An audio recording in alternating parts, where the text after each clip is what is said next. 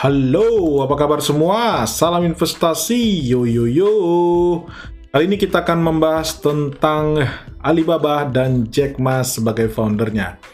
Jadi baru saja dirilis uh, kurang lebih tanggal 12 Juli kemarin bahwa Jack Ma sudah menjual sebagian dari sahamnya di Alibaba, di mana Jack Ma ini memang adalah founder dari Alibaba namun semenjak September 2019, Jack Ma sudah turun sebagai CEO dari Alibaba karena menurutnya dia ingin fokus ke filantropisnya, ke eh, kegiatan membantu donasi ke pihak-pihak yang membutuhkan.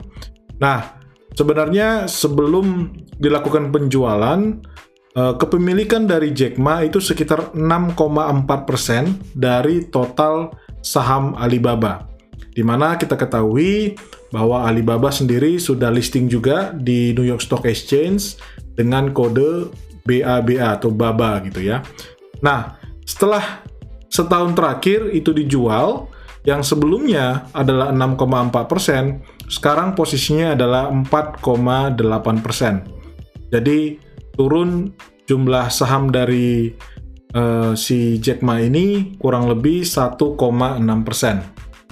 Nah, 1,6% ini sebenarnya setara dengan nilai yang besar sekali, yaitu sebesar 9,6 miliar dolar Amerika Serikat. Atau kalau kita rupiahkan, itu sekitar 138 triliun rupiah. Angka yang besar sekali. Tidak heran, karena apa? Karena memang market cap dari Alibaba sendiri saat ini sebesar 710 miliar dolar Amerika Serikat atau kalau kita rupiahkan, itu angkanya sekitar 10.224 triliun. Kalau kita menggunakan kurs dolar kita 14.400 yang ada saat ini. Nah, alasan dari Jack Ma menjual saham ini karena dia katanya mau fokus di filantropisnya. Dan tidak hanya Jack Ma, sebenarnya Vice Chairman Eksekutif dari Alibaba yaitu Joseph Tsai juga sudah mengurangi jumlah sahamnya di perusahaan ini, yaitu yang sebelumnya 2,3 persen turun menjadi 1,6 persen. Dan itu setara dengan sekitar 4,1 miliar dolar Amerika Serikat. Jadi kedua mereka sudah uh, tidak lagi involved di day to day di operasional dari Jack Ma, eh, dari Alibaba karena Alibaba sudah dipegang oleh CEO yang baru bernama Daniel Zhang semenjak September 2019 kemarin. Nah, kalau menurut ini opini saya ya, menurut opini saya adalah Jack Ma menjual sahamnya di waktu yang tepat.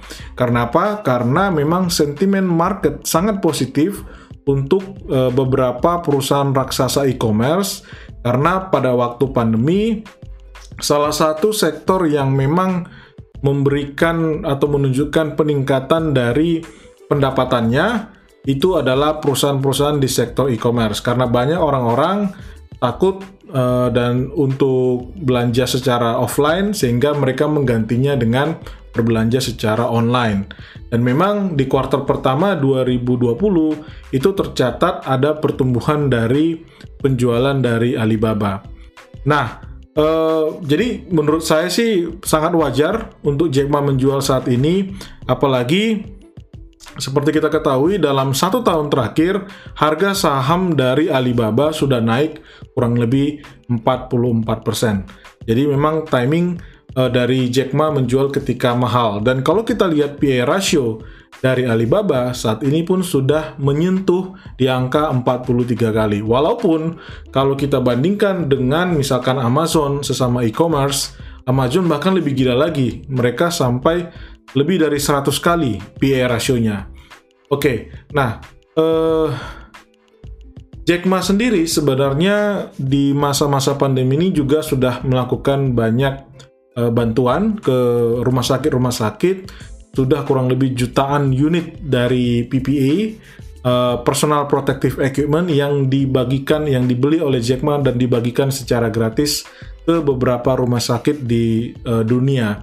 Jadi memang dia katanya mau fokus di filantropisnya.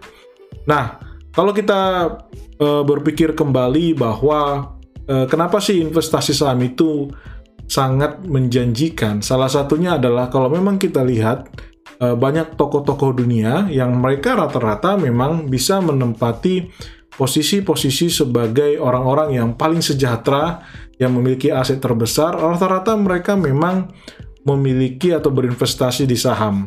Ya, memang pasti kalau seorang founder dia memiliki dari awal, nggak ada yang salah dengan itu. Tapi bisa kita katakan bahwa kalau Anda lihat di peringkat Forbes misalnya ya, ada peringkat pertama mungkin eh, Jeff Bezos misalkan dari Amazon, mungkin ada Bill Gates. Sebenarnya mereka dinilai aset mereka atau uh, apa uh, kekayaannya itu berdasarkan dari berapa harga saham yang mereka miliki dan berapa jumlahnya. Jadi berapa harga saham dikalikan dengan jumlah yang mereka miliki itu disebut sebagai uh, networknya mereka pada waktu itu. Artinya kalau misalkan saham yang mereka miliki turun, ya networknya juga ikut turun gitu. Jadi memang hampir semua mungkin peringkat uh, 100 besar atau 1000 besar dari seluruh orang terkaya dunia, mereka memang berinvestasi di perusahaan lewat kepemilikan di saham. Jadi buat Anda, teman-teman yang mendengarkan podcast ini dan masih belum berinvestasi saham, tidak ada salahnya mulai belajar-belajar. Anda bisa scroll down lagi ke bawah. Saya sudah sharing-sharing tentang bagaimana untuk memulai berinvestasi saham ya. Jangan terburu-buru, jangan langsung dalam jumlah besar, pelajari dulu karena di dalam saham juga itu ada risiko yang harus Anda pelajari. Kalau kita pertama membeli saham perusahaan yang kinerja kurang bagus, otomatis kita bisa juga merugi karena harga sahamnya turun.